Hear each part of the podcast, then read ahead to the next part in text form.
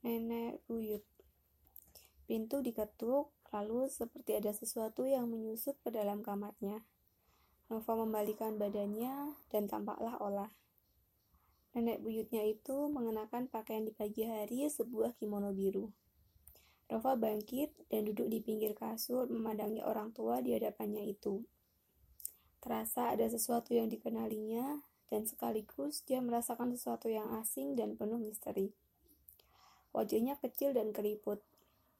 Hari ini ulang tahun Olah. Hari ini dia berusia 86 tahun. Namun ada sesuatu yang berbeda dan janggal. Ada hawa dingin yang keluar dari dirinya. Apakah itu sebuah aura perubahan dan transformasi yang menyelimuti orang tua itu? Dia mengenakan cincin warisan rubi merah itu di jari manisnya. Ada sesuatu yang aneh dengan cincin itu. Ana, nenek buyutnya, hadir di kamarnya bagaikan seorang pembawa pesan dari zaman lain. Dengan dua jari keriputnya, dia mencubit batu mulia itu lalu berkata, Nah, kamu memikirkan batu rubi ini kan, Nova? Dia mengangguk. Ola bisa membaca pikirannya, setidaknya dia bisa membaca pikiran Nova. Wanita tua itu meraih kursi kayu dari meja tulis dan duduk di depannya. Dia berkata, Hari ini aku akan bercerita tentang burung-burung yang pernah hidup di atas gunung. Coba bayangkan, aku bahkan masih bisa mendengar kicauan burung halo. Tapi ada sesuatu yang menggerakkan di dalam diri Nova. Maukah dia terus mendengar cerita itu? Perlukah dia terus mendengarkan orang tua ini? Dengan nada pahit, dia berkata perlahan-lahan, Nenek, tidak perlu lagi bercerita apa-apa. Katakanlah padaku bagaimana cara mengembalikan semua burung itu. Dia menetap nenek buduknya itu.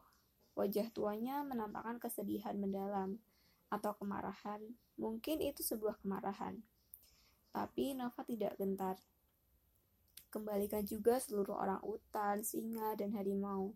Aku mau semua dikembalikan ke tempat semula. Ini kan bukan hal yang terlalu mengada-ada. Dan kembalikan juga beruang dan serigalaku ke habitatnya di sini. Dan juga jangan lupa burung kakak tua laut yang lucu itu dan burung-burung yang lain dan tanaman-tanaman yang lain juga. Atau ada lagi yang mau diceritakan? Wanita tua itu mengangkat bahunya, tapi Nova, Nek tahu kan apa yang aku mau? Mau aku jelaskan? Aku mau seluruh jutaan jenis flora dan fauna itu dikembalikan. Tidak lebih, tidak kurang, Nek. Aku mau minum dari air murni dari mata air. Aku ingin memancing di sungai. Dan aku ingin musim dingin yang aneh ini berakhir. Nova, oh Nova, Aku cuma bilang kalau aku mau dunia tempat hidup ini seindah dunia yang nenek nikmati waktu seumurku. Tahu kan kenapa? Karena itu utang kalian pada generasi kami. Diamlah, Nova. Atau nenek mau aku usir ke hutan. Ayo, kembalikan dunia yang indah itu. Berikan padaku rusa-rusa kutub liar. Ayo, penuhi permintaanku. Kalau tidak, lebih baik nenek, nenek pergi saja. Tapi Nova, Nek, aku sangat berharap manusia dan semua makhluk yang tumbuh dan berkembang di planet ini mendapat kesempatan baru. Bagus kan ide, ide itu? Ini bukan permintaan yang berlebihan. Ini ibaratnya dalam permainan menembak. Kalau tembakan pertama luput, maka peserta mendapat kesempatan kedua. Jadi, aku mau nenek kembalikan lagi dunia ini kepadaku. Bukankah ini ide yang sangat bagus? Kalau orang telah melakukan sebuah kebodohan, maka ya jangan hanya sekedar berdiam diri menyesali perbuatan itu, tapi bangkitlah dan perbaiki segala yang telah dirusak. Aku mohon, Nek, kembalikanlah semua tanaman dan hewan itu padaku. Baru kita bisa bercerita lagi tentang nyanyian burung-burung. Detik itu dia memandang ke kedalaman mata nenek buyutnya itu. Kedua mata itu bergetar, takut, dan sedih. Namun Nova segera menyanggah. Waduh, ngomong apa sih aku? Ini cuma omong kosong. Lagi pula kan tidak mungkin semua itu diubah. Nasi sudah menjadi bubur. Iya kan, Ola? Atau mungkin nenek mau bercerita tentang jin dari lampu wasiat yang bisa membantu kita? Ola mencoba duduk tegak di kursinya. Tampaknya dia takut cicitnya itu bisa meledak kapan saja dan menampar wajahnya.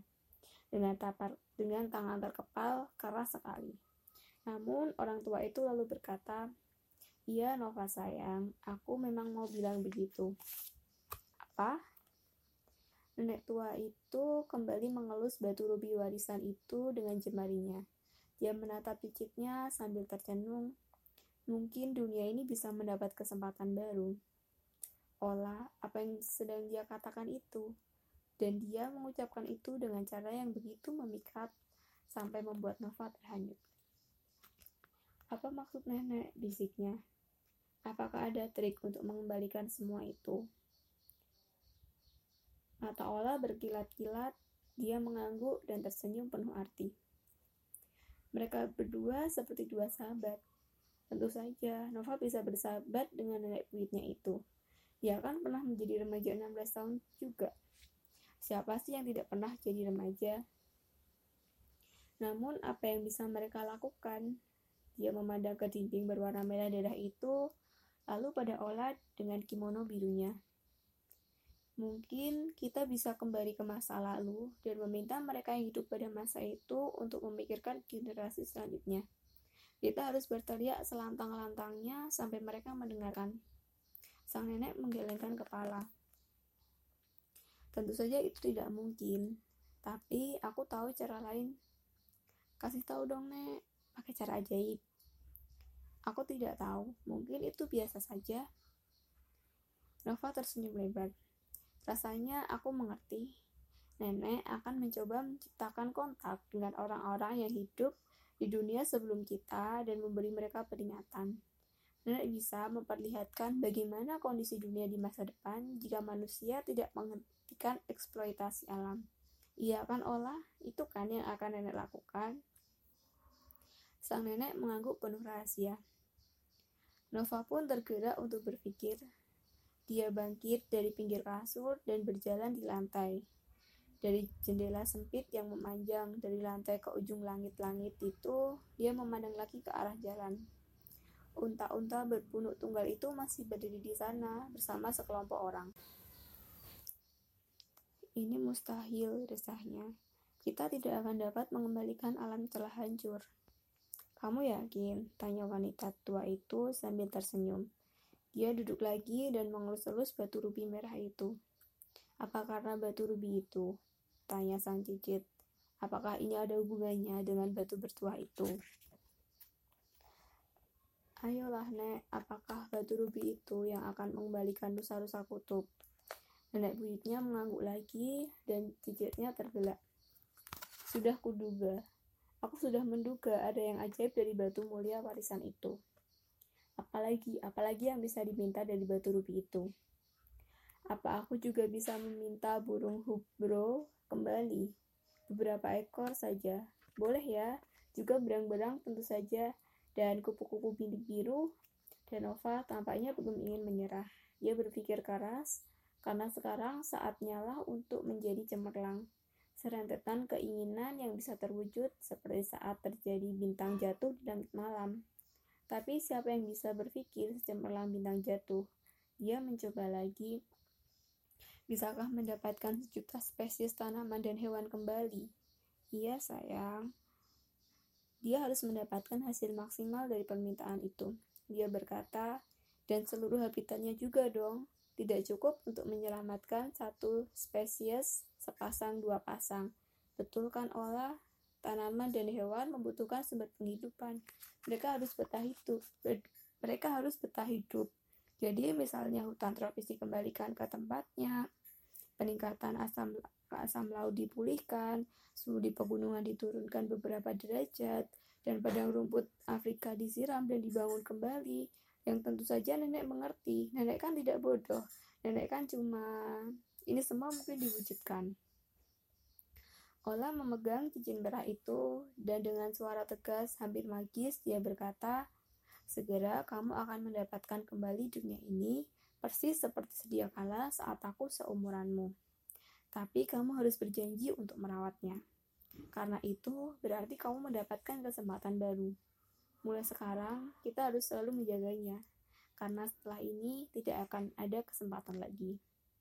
Kata-kata itu bergema saat diucapkan, seolah berada di ruang bawah tanah yang dalam, atau seolah-olah muncul dari sebuah gua. Namun masih ada yang ingin dikatakan olah. Dan kita akan bertemu kembali 70 tahun dari sekarang. Saat itulah kamu akan dihadapkan ke pengadilan. Nova mulai merasa lelah. Keajaiban terhebat di dunia ini telah menguras seluruh energinya. Kamar itu mulai bergetar dan Ola tersenyum kekanak-kanakan. Agak terlampau kekanakan untuk orang seusia dia.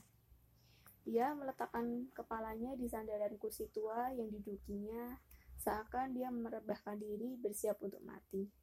Lalu dia mulai bernyanyi dengan suara serak yang terdengar seperti nyanyian pemujaan para penyihir. Nyanyiannya membius. Wahai burung-burung kecil, kembalilah kalian.